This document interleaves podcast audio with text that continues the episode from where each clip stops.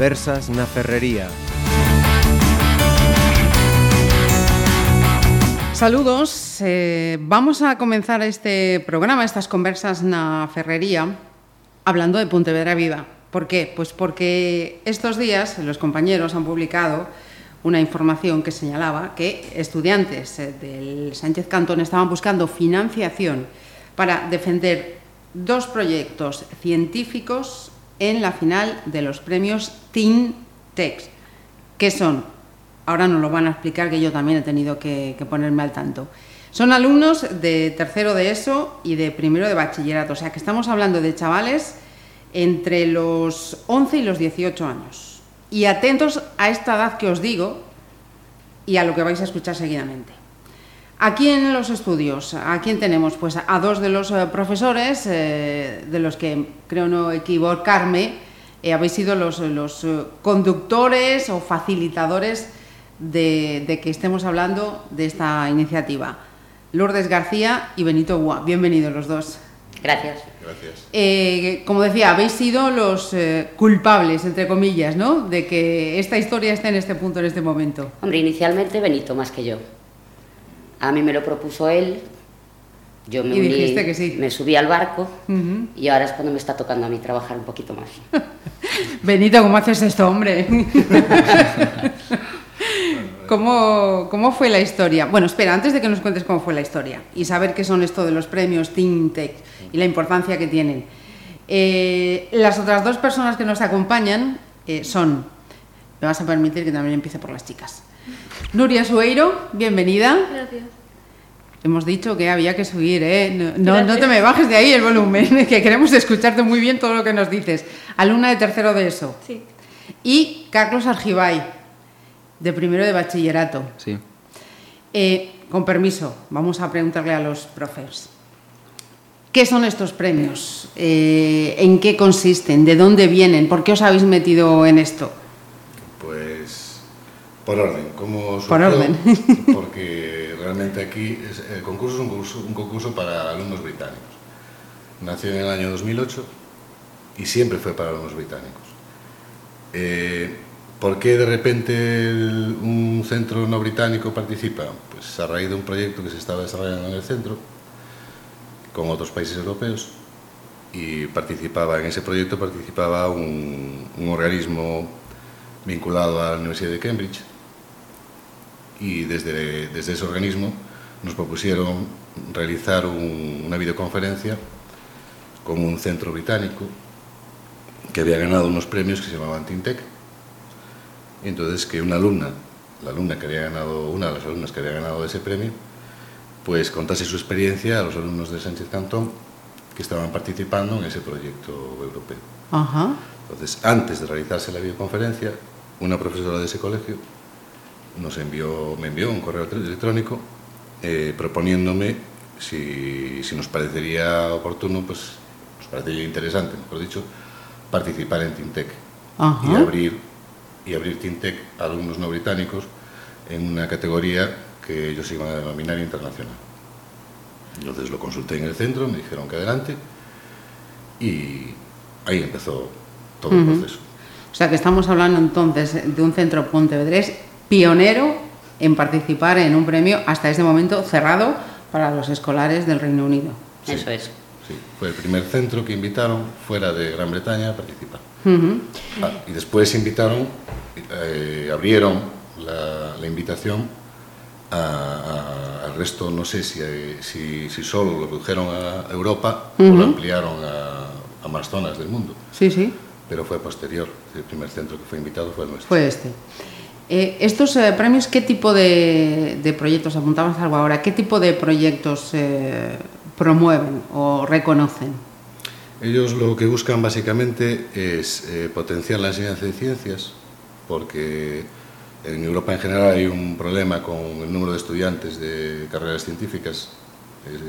hay un déficit de, de de profesionales de alta cualificación vinculados a las ciencias y la industria europea necesita de esos profesionales. Uh -huh. El caso inglés no es diferente, el caso británico no es distinto, también necesitan de esos profesionales y también tienen deficiencias.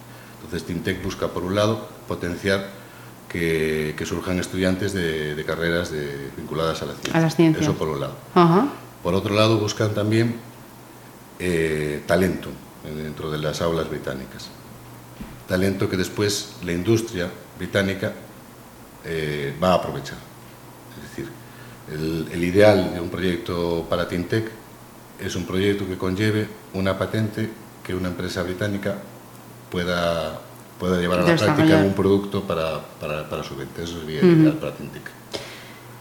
Estamos hablando entonces también de una circunstancia casi excepcional en este país, ¿no? Sí. Que, que la iniciativa privada colabore tan estrechamente con el ámbito educativo. Absolutamente, sí. Ujú.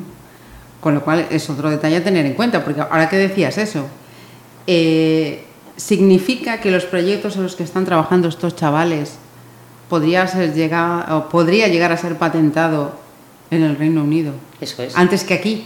No, no porque eh, TeamTech cuida mucho el, el aspecto de los derechos de- de que tiene el alumno sobre su proyecto. Ajá. Entonces, eh, TeamTech nombra un, un tutor a cada grupo de, de estudiantes que se presenta al premio. El tutor es siempre o un profesional vinculado a la, a la industria que, que está relacionado con el proyecto que desarrollan los alumnos o un profesor universitario que tiene conocimiento sobre esa área concreta.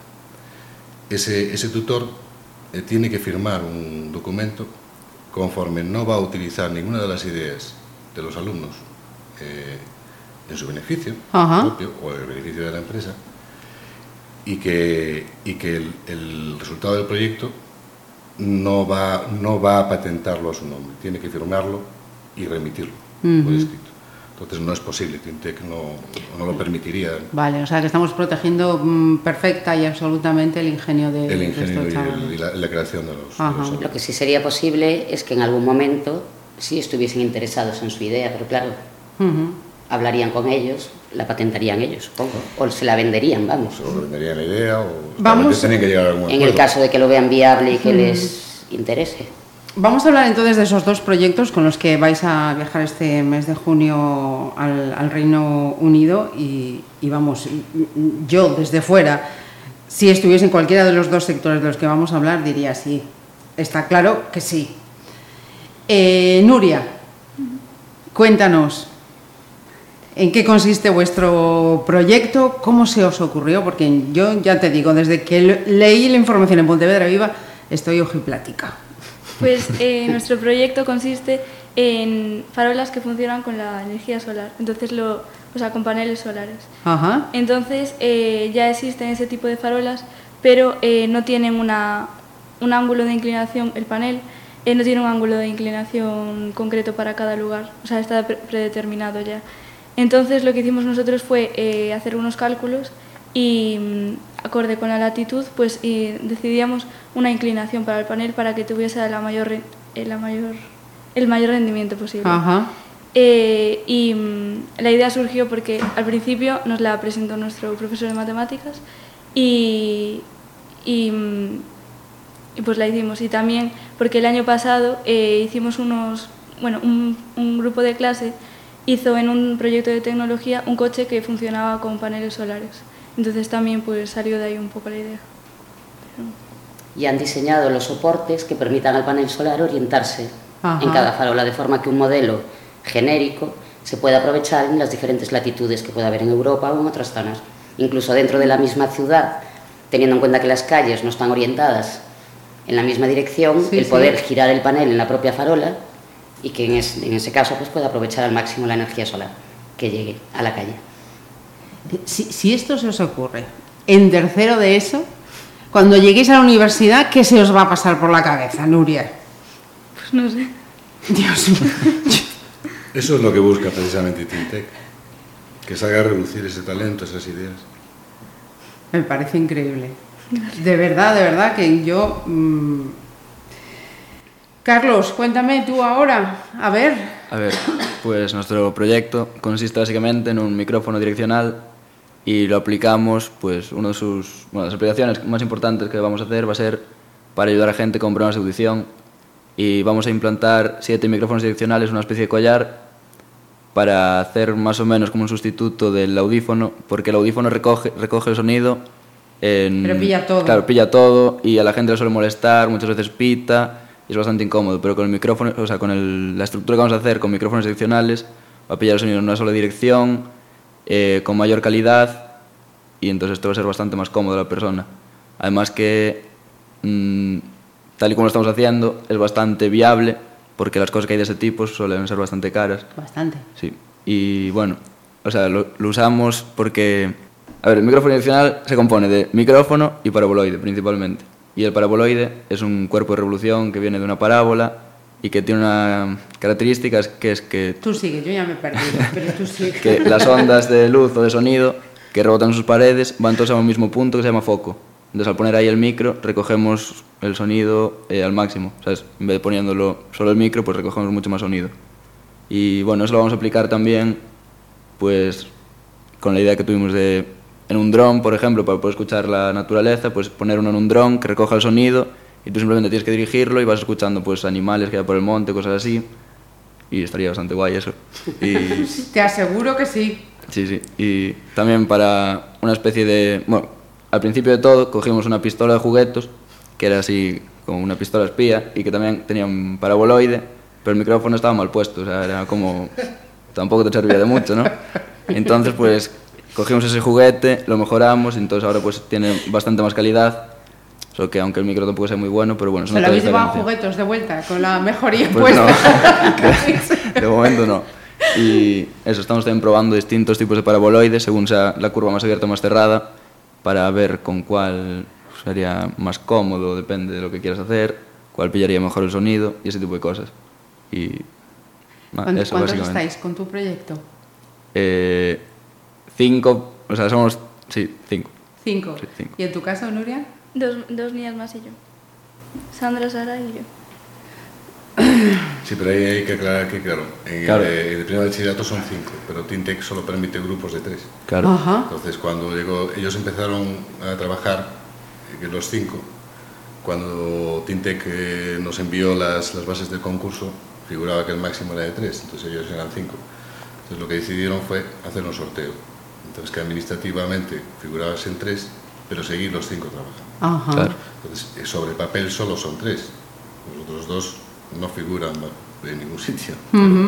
Pero, pero sí están trabajando igual, es decir, no han abandonado el proyecto por el hecho de, de- de que administrativamente solo estén tres.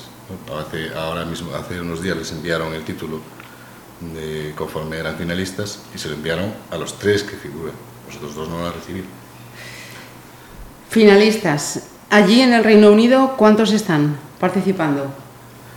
Es muy difícil saberlo, es dificilísimo. Sí. Sí, muy difícil. El número, desde luego, es, tiene que ser, eh, muy- es, es seguro muy alto, porque Tintec eh, goza de muchísimo prestigio en Gran Bretaña. O sea, estaríamos hablando de, no sé, una cifra, más de 500, más de 1000, más de... No creo que lleguen a esas cifras, porque en proyectos de, de carácter científico es difícil implicar a los alumnos, sobre todo un, ca- un proyecto de este tipo, que es, de, que es a largo plazo, es decir, es, durante todo el curso escolar. Ujú. Entonces ahí depende, es más bien el, el tipo de organización que tengan los centros que participan. Es decir, el caso de estos alumnos es, es- es- no, es, no, no creo que sea el, el habitual en Gran Bretaña. Ellos trabajan en sus horas libres. Ajá. En Gran Bretaña, eh, me imagino que en muchos casos lo integrarán en el horario escolar, eh, Sí, los sí. este, este tipo de proyectos. Entre otras cosas porque se vinculan los, en el caso de los alumnos mayores, ¿no? correspondería con el bachillerato español, lo vinculan a unas becas. Entonces automáticamente los, los, los premiados en Tintec optan a unas becas de- para, para financiar sus estudios universitarios. Los estudios universitarios en Gran Bretaña son muy caros y, y para los alumnos eh, británicos de, de bachillerato representa una oportunidad de poder pagarse los estudios si no tienen medios económicos. Pero bueno, finalistas deben de ser tres por categoría, ¿no? Son tres por categoría. Con lo cual, todavía estamos elevando más el nivel de estos Claro, chavales. claro, claro. Sí. Por eso decía yo la importancia... Porque en cada una de sus categorías, Claro. como mínimo, han quedado terceros. En el caso de la categoría internacional, como mínimo, son las terceras de Europa este año. En el caso de los alumnos de bachillerato, eh, los han vinculado no a la categoría internacional, como estaba previsto inicialmente, sino que los, los vincularon a una de las tres categorías que hay para alumnos de bachillerato. Ujú. Pero para, es decir, han competido con, con alumnos británicos y extranjeros. Eh, ahora, ¿en qué estáis ocupados? ¿En qué, ¿En qué punto estáis una vez que os habéis enterado que ya sois eh, finalistas? Bueno, Pues primero los exámenes, pobres, que está hasta arriba, es verdad. Tilín, tilín, llamada de atención. No les llega con estar preparando los exámenes, sino que aún tienen que sacar un ratito sí, Muchos bueno, ratitos. para finalizar los proyectos. complicado. Después de inventar esto, lo tenéis chupado, venga, hombre. No, no, no me creo yo lo de, lo de complicado para vosotros. Eh, decían en esa información nuestro compañero Anso que había que buscar financiación para ir al viaje que es el 26 de junio, ¿no? 26. Y hay buenas noticias, porque ya hay. Las mejores. dinerito. ¿Cómo, ¿Cómo ha sido? ¿De dónde viene ese, ese dinero? ¿Quién, ¿Quién va a echar una mano a esta idea que para mí me Pues parece la Consellería de? Educación del Concello de Pontevedra Ujú. nos recibió el lunes en, en el despacho la concelleira y se han comprometido a financiar el 100% del viaje para apoyar la iniciativa. El 100% yo creo que tenía anotada la cifra, eran unos 5.000 euros. ¿podría Ahora ser? ya es un poquito más, Sí. porque a medida que va pasando los días el presupuesto va subiendo y se va elevando considerablemente. Pero bueno, intentaremos cerrarlo ya en esta semana, Ajá, ahora que ya tenemos el visto bueno. el visto bueno. Porque tenéis que viajar eh, tres y tres y viajáis los dos profesores con ellos. Viajamos cuatro No, profesores, Cuatro profes. Porque nos acompañará un profesor de inglés, Sí. por favor. y después el grupo de bachillerato, que son cinco alumnos, aunque en, en la zona de los stands solo van a entrar los tres que figuran como cinco. titulares, Claro. pues consideramos que más que merecido deberían ir los cinco. Y entonces mientras están los alumnos finalistas exponiendo sus trabajos, hace falta un cuarto profesor para que se quede con nosotros fuera. Claro. ¿Cómo habéis hablado entre vosotros de- del viaje, lo que vais a hacer, de lo que no vais a hacer? ¿Cómo... Pues no, no hablamos de gran cosa. Estamos así bastante ocupados aún acabando el proyecto de todo y no sé, antes de planear Porque, así nada. Efectivamente, ahora que dices eh, eso, eh, estáis terminando el, el proyecto. Eh, el, el proyecto en sí, que es ese, ese micrófono con... es que consta ¿cómo de es? bastantes partes, ¿sabes? Porque tenemos por un lado eh, lo que sería el collar ese que expliqué antes para Ajá. ayudar a la gente con problemas de audición. Por otro lado estamos haciendo un paraboloide que sea plegable para que sea bastante más fácil de transportar y eso, para escuchar gente en la naturaleza. Lo estamos haciendo con PVC, que sería un material reciclable y eso le da pues un punto así bastante interesante. Ajá.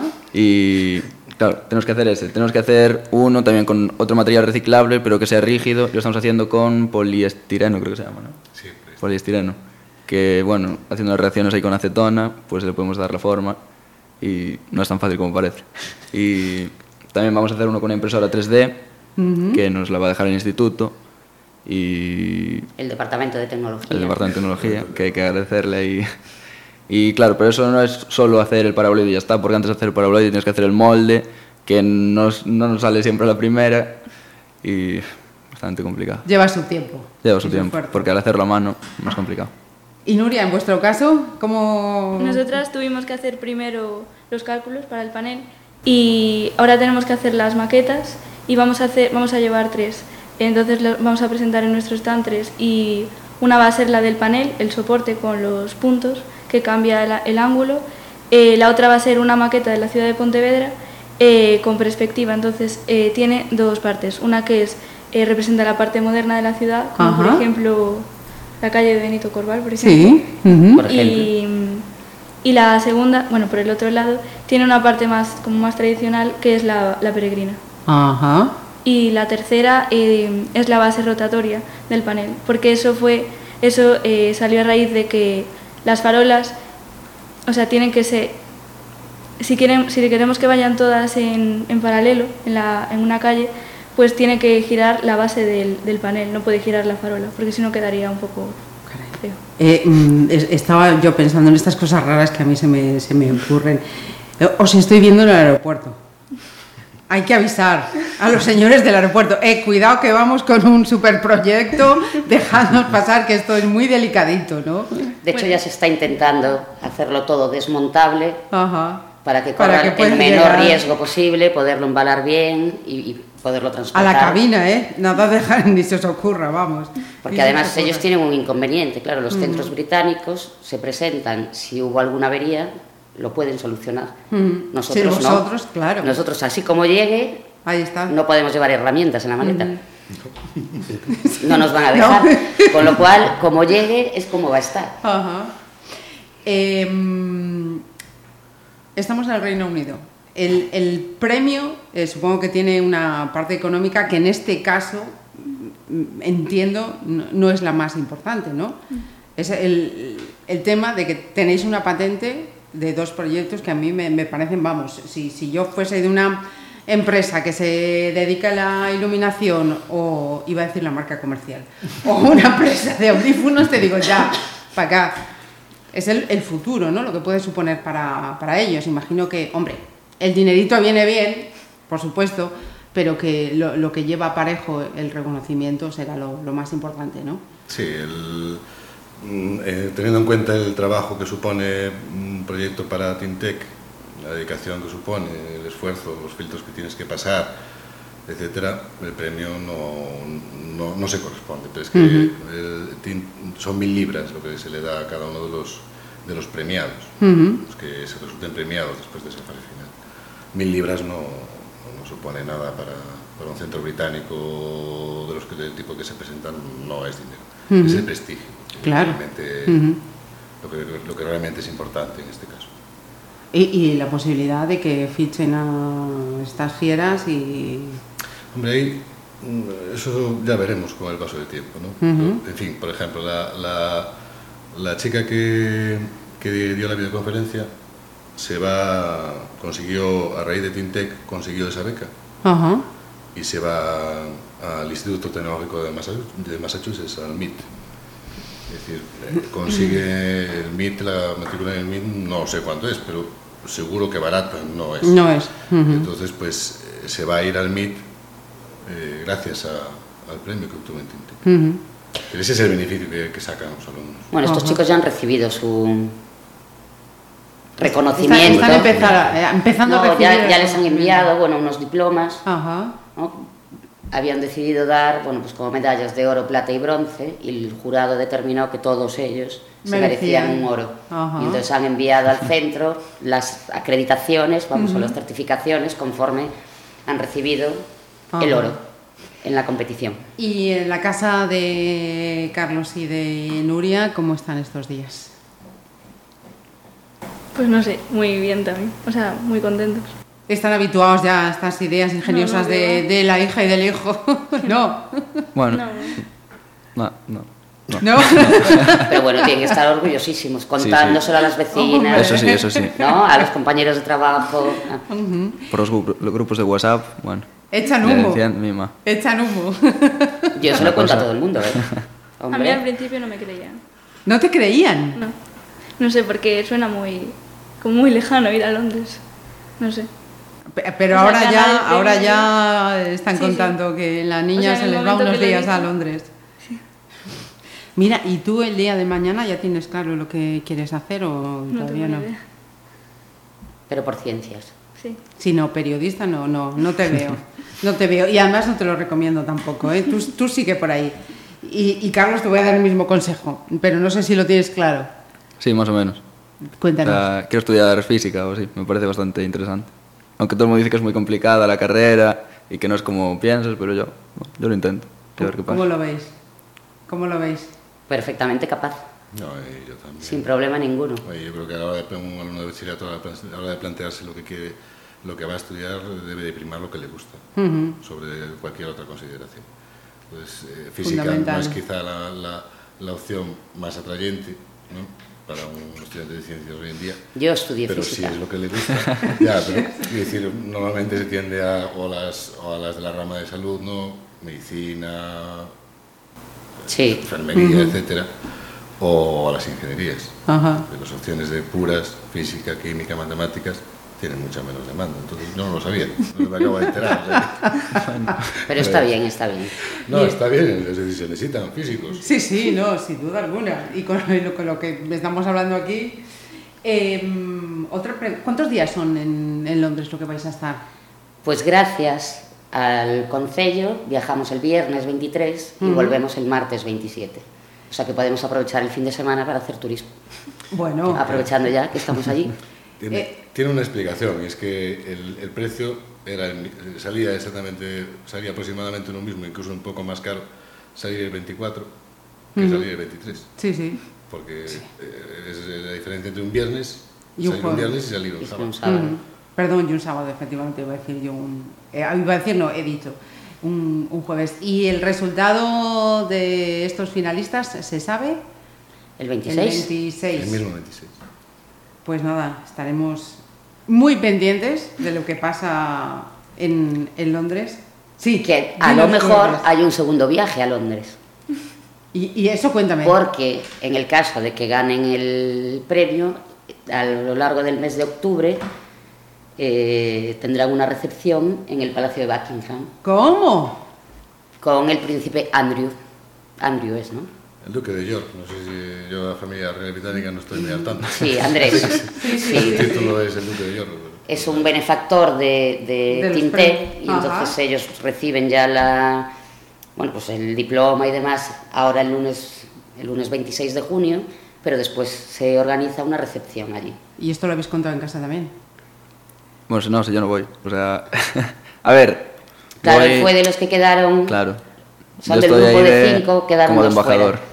De embajador de tinte, o algo así. Claro, Vamos eso a reclamar ahí. Queremos a Carlos también en esa. Será la siguiente, la siguiente petición será que nos dejen entrar a todos. Ir a todos, claro, que sí. Claro Tintec que ha sí. estado muy pendiente de, de nuestro centro. Entonces, eh, eh, yo en su momento, cuando, cuando los declararon final- finalistas, eh, ellos ya sabían que, que estaban trabajando cinco alumnos. Pero, Entonces, partió de ellos el hecho de decir, mira, a los dos alumnos que están trabajando no les podemos dar un certificado como a los, a los tres que, que figuran administrativamente, pero sí le podemos dar un certificado, un papel, eh, como, como participantes en Tintec. Entonces la opción que daban era la de nombrar los embajadores Tintec. Por eso él ha mencionado que son embajadores Tintec. Sí. Carlos es uno de los que tuvo mala suerte en el sorteo. Y, entonces, Y tocó. bueno, no, tiene, no tiene eso, va a tener un papel, Ajá. pues eso, pues, de embajador Tintec. Muy bien. Tengo, que, tengo que hacer una confesión. Si, si no, muero yo esta tarde. Es que ha sido ver a Carlos entrar por la puerta de Pontevedra Viva y de repente me ha dado un shock porque he dicho, eres mi primo Chuchi, pero son unos cuantos años menos. Es que de verdad ha sido un impacto de... Y digo yo, a que durante la entrevista le voy a llamar Chuchi en vez de, en vez de Carlos. Pero no, no he metido la pata. Pero es que de verdad, durante toda la entrevista lo estaba viendo y digo, es él, es él, es él. Te va a dar suerte, te lo digo yo. Vale, vale. Gracias. Eh, Lourdes, eh, Benito, que muchísimas gracias, que enhorabuena por eh, ser los eh, conductores de esta iniciativa, que os volvamos a llamar más veces para decirnos que el siguiente curso también han sido seleccionados. Y estaremos encantados de venir. Y gracias, y Nuria y Carlos, que muchísima suerte y con esas Gracias. cabezas gracias. os veo muy buen futuro por delante, ¿eh? a seguir así. Y suerte con los exámenes. Mira, y una última cosa, por Sí, favor. sí. Muchísimas gracias a vosotros y a Pontevedra Viva también, la edición digital, pues por darnos cabida en vuestros espacios, por darnos publicidad, porque gracias a vosotros hemos conseguido financiar el viaje. Pues Y estamos en Londres. Aquí hay que mencionar a nuestro compañero Anso Laurido, Sí, que claro. ha sido quien, quien estuvo ahí a pie de cañón dando, dando la información. Y estaréis informados puntualmente Muchísimas gracias. de lo que vaya sucediendo.